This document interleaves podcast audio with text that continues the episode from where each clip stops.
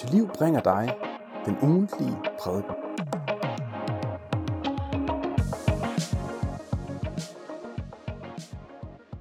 Nu kunne jeg godt tænke mig, at vi lige skulle øh, samle os i bøn en gang til. Gud, tak fordi du er vores far i himlen, der ved, hvad vi trænger til. Tak for den befriende virkelighed, som det er. At du er vores far, og at du, som er vores far, du er øh, ham, som bor i himlene, den almægtige, den ophøjede. Tak fordi, at du har omsorg for os. Tak fordi du ser lige igennem det hele og ved allerbedst, hvad vi trænger til. Også i dag. Og tak fordi, at du også i den bøn, som du selv har lært os at bede, gør det klart, at det vigtigste, det er faktisk, at du kommer på førstepladsen. Jeg beder dig om, at du vil undervise, undervise os om det i dag. Vil du undervise os om bøndens forunderlige gave? Og vil du undervise os om, hvem du er? Og hvad det er, du ønsker? Du selv vil være her og tale i dit eget navn. Amen. Nu skal vi rejse os op og læse fra Matteus evangeliet kapitel 6, vers 5 og følgende, hvor der står, Og når I beder, må I ikke være som hyklerne, der ynder at stå og bede i synagoger og på gadehjørner, for at vise sig for mennesker. Sandelig siger jeg, de har fået deres løn. Men når du vil bede, så gå ind i dit kammer og luk din dør og bed til din far, som er i det skjulte. Og din far, som ser i det skjulte, skal lønne dig. Når I beder, så lad ikke munden løbe, som hedningerne gør, fordi de tror, at de bønhøres for deres mange ord. Dem må I ikke ligne. Jeres far ved, hvad I trænger til, endnu før I beder ham om det. Derfor skal I bede således. Vor far, du som er i himlene, helliget blive dit navn, komme dit rige. Ske din vilje, som i himlen, således også på jorden. Giv os i dag vores daglige brød, og forlad os vores skyld, som også vi forlader vores skyldnere. Og led os ikke ind i fristelse, men fri os fra det onde. For dit er riget, og magten og æren i evighed. Amen. For tilgiver I mennesker deres overtrædelser, vil jeres himmelske far også tilgive jer. Men tilgiver I ikke mennesker, vil jeres far heller ikke tilgive jeres overtrædelser. Amen.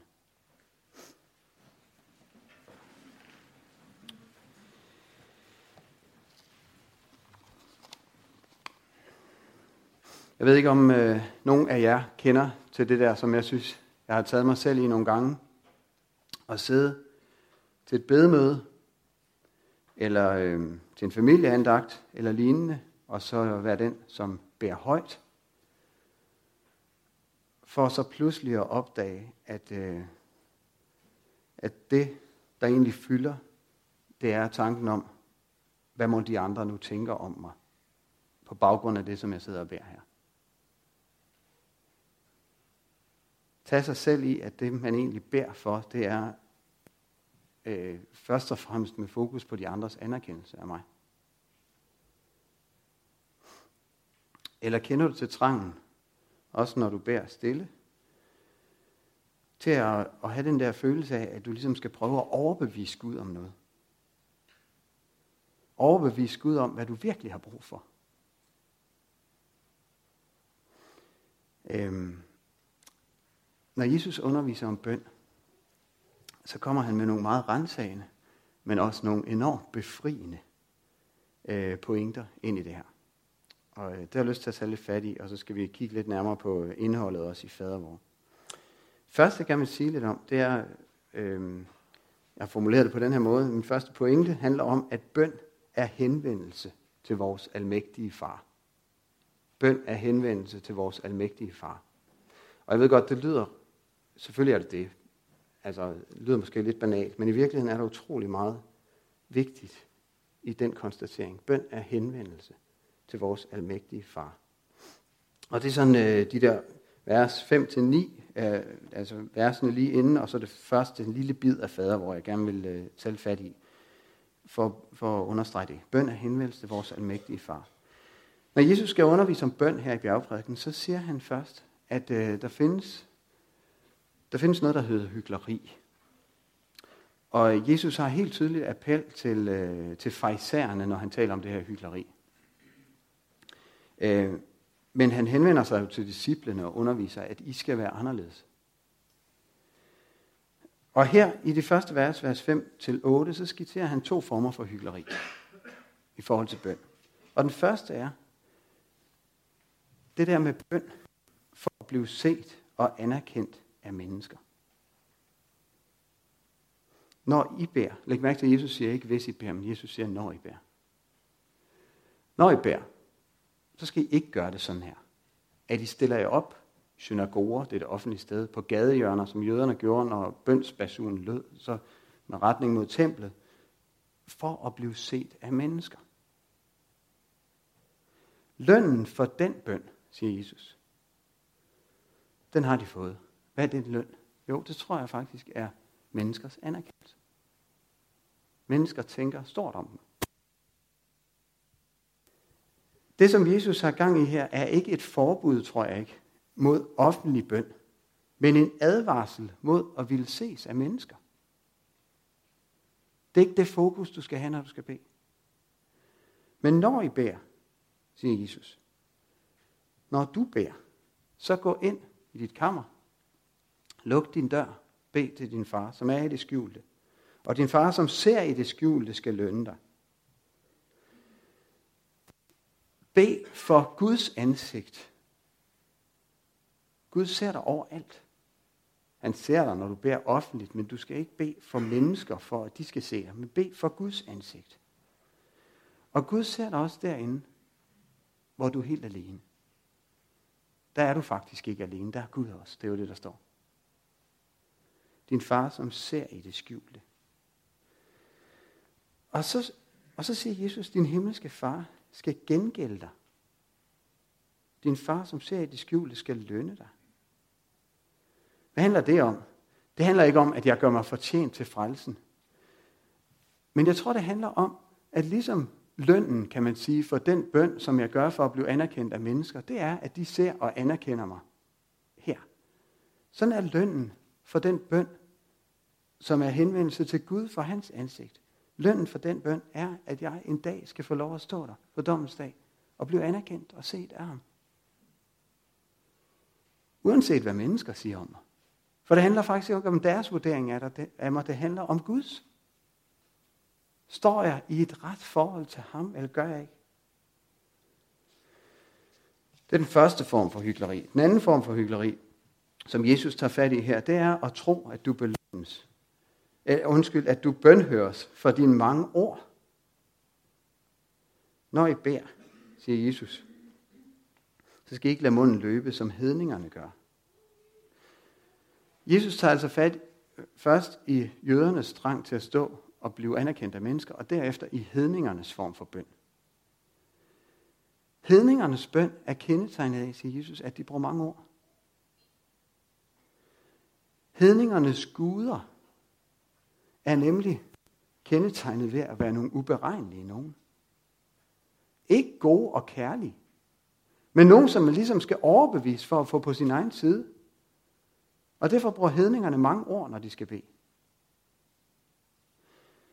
Og det, som Jesus så siger, det er, at sådan er Gud ikke.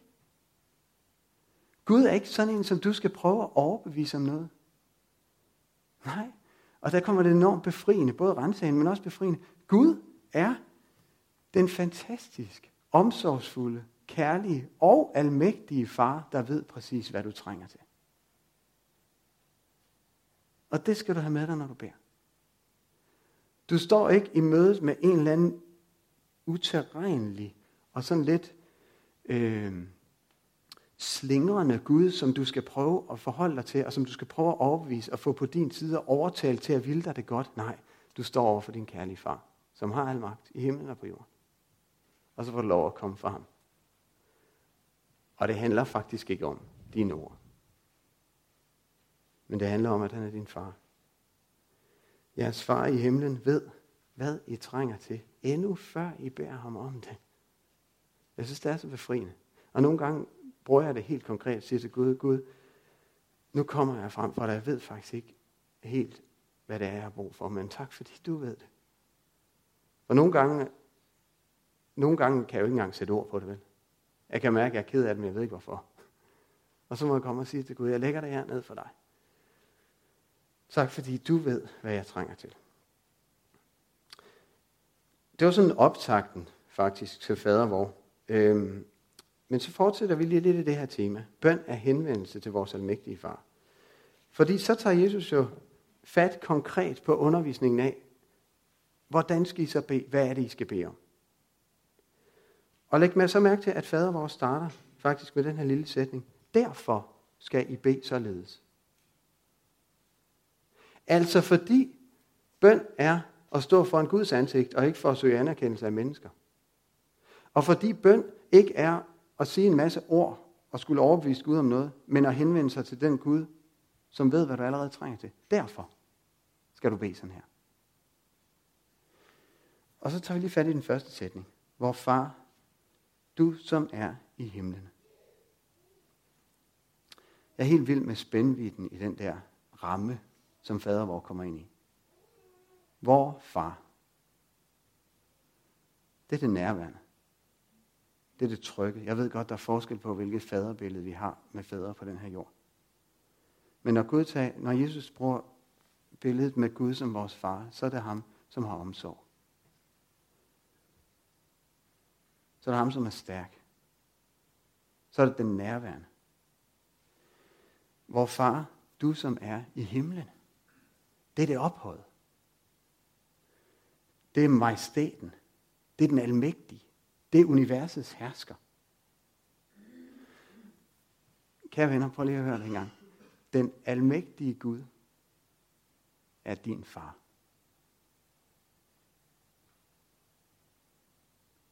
Himlens og jordens herre og skaber. Og ham, som skal sidde på tronen på den yderste dag. Han er din far. Som ved, hvad du trænger. En fantastisk ramme at få fader vor ind i. Den her betegnelse fader om Gud øh, blev faktisk ikke brugt særlig ofte øh, i jødiske skrifter på Jesu tid. Derfor er det meget overraskende for disciplene faktisk, at, at de kan få lov til at kalde Gud for far. Herre, kunne man kalde ham, men far. Det er overraskende. Og det er det privilegium, som Jesus fører sine disciple ind i. I er ikke bare mine disciple, I er også mine brødre. Jesus siger det efter, han er stået op i Johannes 21, vi skal, undskyld, Johannes 20, vers 17. Nu går jeg bort til min far og jeres far. Til min Gud og jeres Gud. Det er det privilegium, Jesus har vundet til os. Vores bror gik i døden for os og vandt os barnekåret. Sat os ind, så vi kunne få lov til at blive hans brødre og søstre. Og så få lov at kalde Gud for far. Tænk, hvilket privilegium. Du har tillidsfuld adgang til din far i himlene. Uanset hvordan din jordiske far er. Det er det første. Bøn er henvendelse til vores almægtige far. Så det andet, jeg gerne vil sige lidt om, det er, at øh, noget af det, som har slået mig, øh, da jeg skulle forberede det her, det var, at øh, jeg har aldrig sådan tænkt så klart over det før. Hele den første del af fader, hvor handler faktisk om Gud. Der er seks bønder i fader hvor. De første tre, de handler om Gud. Og derfor det næste, jeg gerne vil sige lidt om, det er Gud på førstepladsen. Så når Jesus skal lære os at bede, så fører han os ind i mødet med den far, som ved, hvad vi trænger til. Og når han så skal sige, sådan her skal I bede, så handler det første om Gud. Fordi Jesus ved, at det er det, vi trænger til. Vi trænger til at komme derind, hvor Gud er i fokus. Hvor Gud er på førstepladsen. Jeg er ikke i tvivl om, at fader hvor er en mønsterbøn. Øh, andre steder i Bibelen bliver vi opfordret til også at udøse vores hjerte for Herren, og derfor er der ikke noget som helst forkert i den frie bøn. Men fader hvor er en mønsterbøn. Vi henvender os til vores almægtige far for det første. Og så er der tre bønder, som handler om Gud først.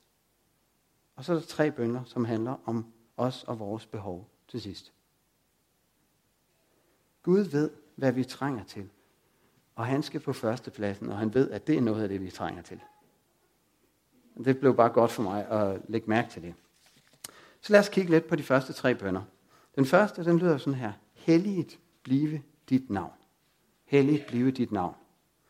Når Bibelen bruger øh, Guds navn på den her måde, så handler det om, om Gud selv som person. Ofte så bruges det der med navnet til at fremhæve, hvordan en person åbenbarer sig. Og jeg tror lige præcis, det er det, der er tanken her. Helligt blive dit navn. Det er en bøn, som kunne også kunne formuleres som her. Lad dit navn blive helligt. Altså det er en passiv form. Ikke? Også lad det blive helligt. Helligt blive. Og det er Gud selv, der skal gøre det. Lad dit navn blive helligt, Gud. Gud er hellig. Han er ophøjet. Han er den almægtige. Og det er der ingen, der kan røre ved. Men i den her bøn, der beder vi om, at hans navn må blive helligt for mennesker på jorden. Det handler faktisk om det. Helligt blive dit navn, Gud. Og dermed hænger det også meget sammen med den næste bøn. Komme dit rige. Komme dit rige. Jeg tror, der er to perspektiver i den bøn, komme dit rige. Det første, det er, at vi i den her bøn beder Gud om at bringe den frelsende virkelighed nær. Til os og til flere mennesker på den her jord. Guds rige er lige med Guds nåde herredømme. Den frelsende virkelighed, som Jesus kom med. Da Jesus han trådte ind og begyndte at undervise, så sagde han, Guds rige er kommet nær, fordi Jesus kom. Med Guds rige, der kommer hele Guds frelsende nåde herredømme. Og det vi beder om i den her bøn, det er, at det må få lov til at brede sig. Komme dit rige. Til os, Gud, og til flere mennesker på den her jord. Det er det ene perspektiv i den her bøn. Så er der også et perspektiv, som handler om den yderste dag. Lad det komme i fuldkommenhed, dit rige Gud.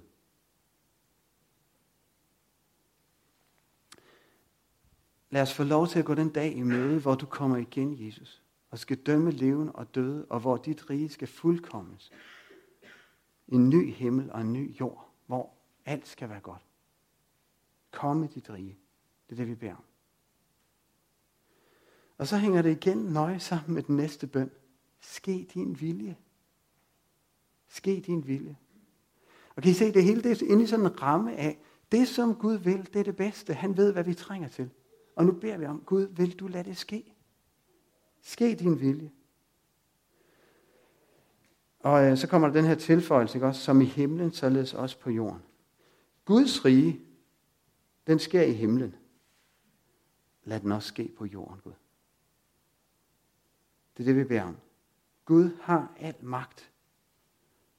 Gud, lad nu din vilje ske på den her jord. Der er sådan en spændvidde i den her sidste bøn, som øhm, faktisk for mig er blevet lidt en trøst.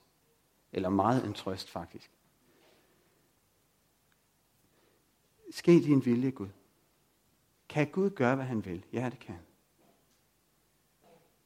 Og så bliver man ofte mødt med det der ondskabens problem. Men hvis Gud kan gøre, hvad han vil, hvordan kan det så være, at der er så meget i den her verden, som er så ondt? Øhm, det kan da ikke passe, at Gud er almægtig, så. For mig er der et enkelt vers i en øh, lovsang, som vi møder i Johannes åbenbaring kapitel 19, som er blevet en rigtig dejlig øhm, konstatering ind i det her. Johannes åbenbaring kapitel 19. Jeg bare lige læse et enkelt vers. Det er fra det kapitel, som handler om øh, lammets bryllup af overskriften. Lammet er Jesus, og det her handler om, at en dag skal den troende menighed forenes med brudgommen Kristus. Vi skal være bruden, og Jesus skal være brudgommen. Og så er der en kæmpe lovprisning af ham på den dag. Og så står der i vers 6 i den her lovsang. Øhm, Halleluja, Herren vor Gud, den almægtige, har taget magten. Den almægtige har taget magten. Der, der er sådan en, der er noget, der lige hopper af, ikke også? Fordi hvis han er almægtig, så har han vel haft magten hele tiden. Ja, lige præcis. Det er lige præcis det, der er pointen. Han har magten, men en dag skal han tage den. Ske din vilje som i himlen, fordi du, der regerer din vilje nu. Ske din vilje også på jorden. Og så har vi de her to perspektiver igen. Lad det få lov til at ske nu, Gud. Lad din vilje ske her, og så kommer der en dag, hvor den for alvor skal ske. Den dag, hvor den almægtige tager magten. Så det er den første del af fader vor. Øh, det jeg kan nå at sige om det nu i hvert fald. Og øh, nu skal vi gå til den sidste del. Og øh, den sidste del har jeg givet overskriften, Gud ved, hvad jeg trænger til. Gud ved, hvad jeg trænger til. Kommer der tre bønder her i fadervor, som, øh, som handler om os og vores behov. Og den første bøn, den lyder sådan her, giv os i dag vort daglige brød. Giv os i dag vort daglige brød. Øh, der er rigtig mange elementer i den bøn, som, øh, som jeg er blevet meget glad for. Øh, nu var det ikke tilfældigt, at vi skulle læse den der tekst fra øh, 2. Mosebog, kapitel 16. Det er mig, der har bedt om det. Fordi jeg synes, der er en, øh, en baggrund der i den der beretning om manna i ørkenen, som, øh, som øh, er berigende for forståelsen af det her. Jeg er helt sikker på, at Jesus faktisk spiller på det. Giv os i dag vores daglige brød. Læg mærke til, at det de skulle i ørkenen, da de skulle samle manna, det var, at de skulle samle så meget, som hver enkelt kunne spise. Og hvis nogen havde samlet for meget, havde de ikke for meget. Hvis nogen havde samlet for lidt, havde de ikke for lidt. De skulle samle, hvad hver enkelt kunne spise. Giv os i dag vort, ikke naboens, men vort daglige brød. Det er det, vi beder om. Giv mig, hvad jeg har brug for i dag. På Jesu tid var det her meget konkret, fordi at, øhm, at øh, de fleste på det her tidspunkt øh, fik, var sådan daglønnet, ikke også? Altså man arbejdede, og så fik man en dagsløn, og hvis man, hvis man ikke tjente noget, så havde man et problem næste dag, fordi så havde man ikke nok. Giv os i dag vores daglige brød. Og det her med det daglige brød, jeg tror, der er et meget, meget vigtigt element i det til os. Igen, beretningen om manna i ørkenen. Læg mærke til, hvad der skete. Nogle af dem adlød ikke Moses, for Moses havde sagt, I skal samle så meget, som I har brug for, som hver enkelt kan spise, til i dag. Og nogle af dem tænkte så, fedt, der er brød, vi er i en ørken. Lad os lave et lille lager, ikke også? Det er den naturlige, ikke også? Lad os lige, lad os lige lave et lille lager. Øh, så vi lige har, så vi lige sikret lidt. Og så sker der det, at, at det bliver fuldt af mad, ikke? og det stinker. Og Moses blev vred på den. Øhm, og når solen begynder at skinne, så smelter det der. Og det må være sådan lidt svært, ikke også? Øh, tænk nu, hvis det ikke er der i morgen igen. Så har vi et problem. Ved du, hvad det kaldes? Det kaldes afhængighed. Og det er lige præcis det, Gud vil lære sit folk. Afhængighed.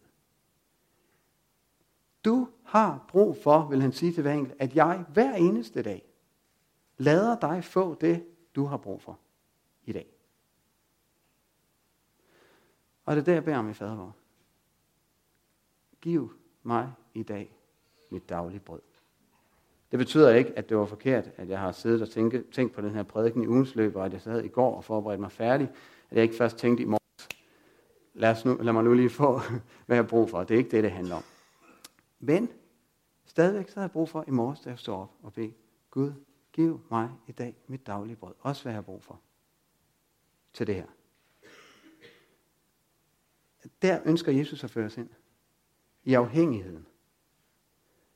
Der, hvor vi ikke bare tror, vi har nok, og der, hvor vi ikke tror, at vi kan, vi kan sikre os, men hvor vi står i et afhængighedsforhold til den far, som ved, hvad vi trænger til. Det er en dejlig bøn. Så beder vi for det næste, forlad os vores skyld, som også vi forlader vores skyldnere. Og nu vil jeg lige tage de sidste to vers med her, fordi den her bøn bliver nemlig begrundet til sidst. Det er som om Jesus er klar over, at den bøn, den, vækker, den, den giver anledning til spørgsmål. Men Gud, vil du da ikke tilgive mig, hvis jeg ikke har tilgivet mine medmennesker? Og så tager Jesus faktisk fat i det, og så begrunder han det. For, vers 14, tilgiver I mennesker deres overtrædelser, vil jeres himmelske far også tilgive jer. Men tilgiver I ikke mennesker, vil jeres far heller ikke tilgive jeres overtrædelser.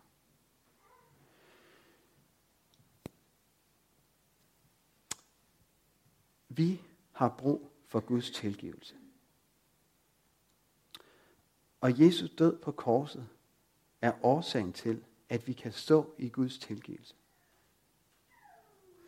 Men det, som det her handler om, det er, at vores tilgivelse af andre, det at vi forlader vores skyldnere, altså det at vi tilgiver vores medmennesker, det er et vidnesbyrd om troen. Uden det her vidnesbyrd, vores tilgivelse af andre, er der ingen tro. Og derfor er der heller ingen modtagelse af Guds tilgivelse. Jesus bruger faktisk en hel lignelse i Matthæus 18 på at forklare det her med, med, med et billede eller en historie.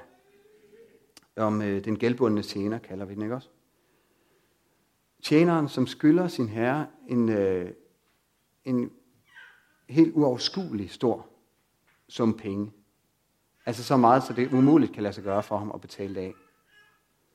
Øhm. Og herren, som kalder den her tjener, den gældbundne tjener, op og eftergiver ham det hele. Hvorefter han så går ud på gaden og finder den første, der skylder ham noget. Og det er faktisk ikke et lille beløb, hvis man regner efter. Det er faktisk også et ret stort beløb, som den her medtjener har til gode hos en anden medtjener. Øhm, han kræver ham så til regnskab og smider ham i fængsel, da han ikke kan betale.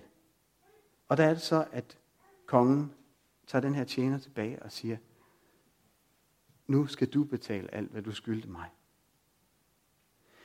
Vi skal lægge mærke til i den her lignelse, at det første, det er Guds tilgivelse af os. Og det, som det her handler om, det er, at når jeg bliver, kommer ind i Guds tilgivelse og modtager den, så sker der noget med mig så kan jeg ikke bare fastholde andre i skylden til mig. Og hvis jeg gør det, så er det et vidensbyrd om, at jeg ikke lever i troens forhold til min far i himlen. Så lever jeg ikke i tilgivelse selv. Jeg hørte engang en prædikant, som, øh, som fortalte en personlig beretning, uden at blive konkret.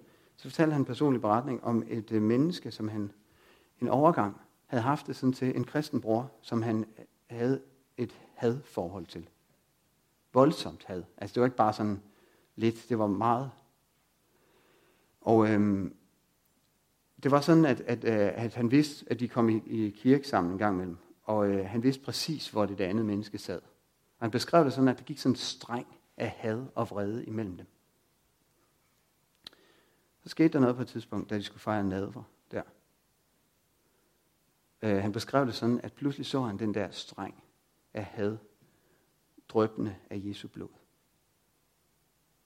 Og så kunne han simpelthen ikke fastholde hadet mere. Så kan han ikke fastholde uforsonligheden. Og det er et fantastisk eksempel på det her, synes jeg. Forlad os vores skyld, som også vi forlader vores skyldnere. Der er en sammenhæng her. Hvis jeg lever i Guds tilgivelse, så kan jeg ikke fastholde andre i skylden, som ønsker min tilgivelse og jeg er min himmelske fars barn. Sidste bøn, vi møder i fader vor, det er den her bøn, leder os ikke ind i fristelse, men fri os fra det onde. Og igen er det så dejligt, synes jeg, med den her ramme. Det er den Gud, der ved, hvad vi trænger til, der siger, at vi skal bede sådan her. Det her er en bøn om at blive bevaret mod frafald.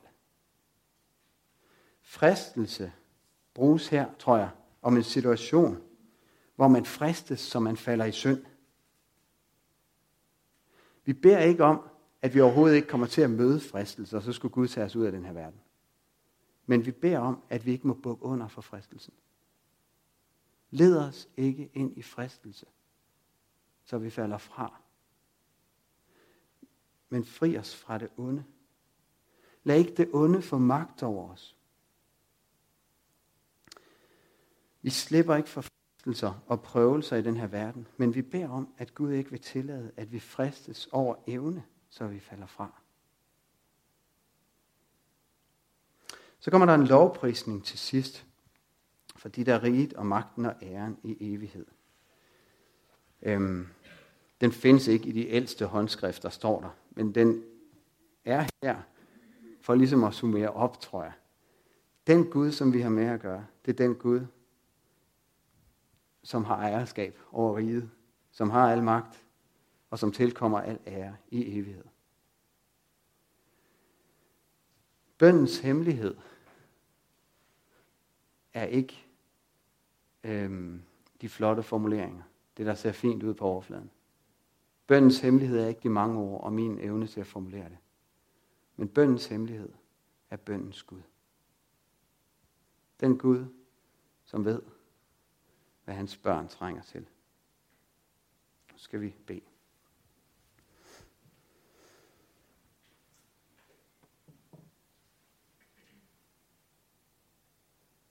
Ja, Gud, vi takker dig, fordi du har lært os at bede. Og tak, fordi du ved, at det, som vi først og fremmest trænger til, det er, at du kommer på førstepladsen i vores liv. Og tak, fordi du ved alt om, hvad vi trænger til, også i vores daglige liv. Og tak, fordi at et liv med dig, det er et liv i øh, opgør med synden. Både den synd, som er mellem os og dig, som du døde på korset for at zone, Jesus. Men også den synd, der skal tilgives mellem os mennesker. Tak fordi, at dit rige er et nåderige, et tilgivelsens rige. Og tak fordi, at vi må bede dig om at bevare os mod frafald. Og hør os så, Herre, når vi beder den bøn, som du har lært os at bede i kor. Vor far, du som er i himlene, helliget blive dit navn, komme dit rige. Ske din vilje som i himlen, således også på jorden.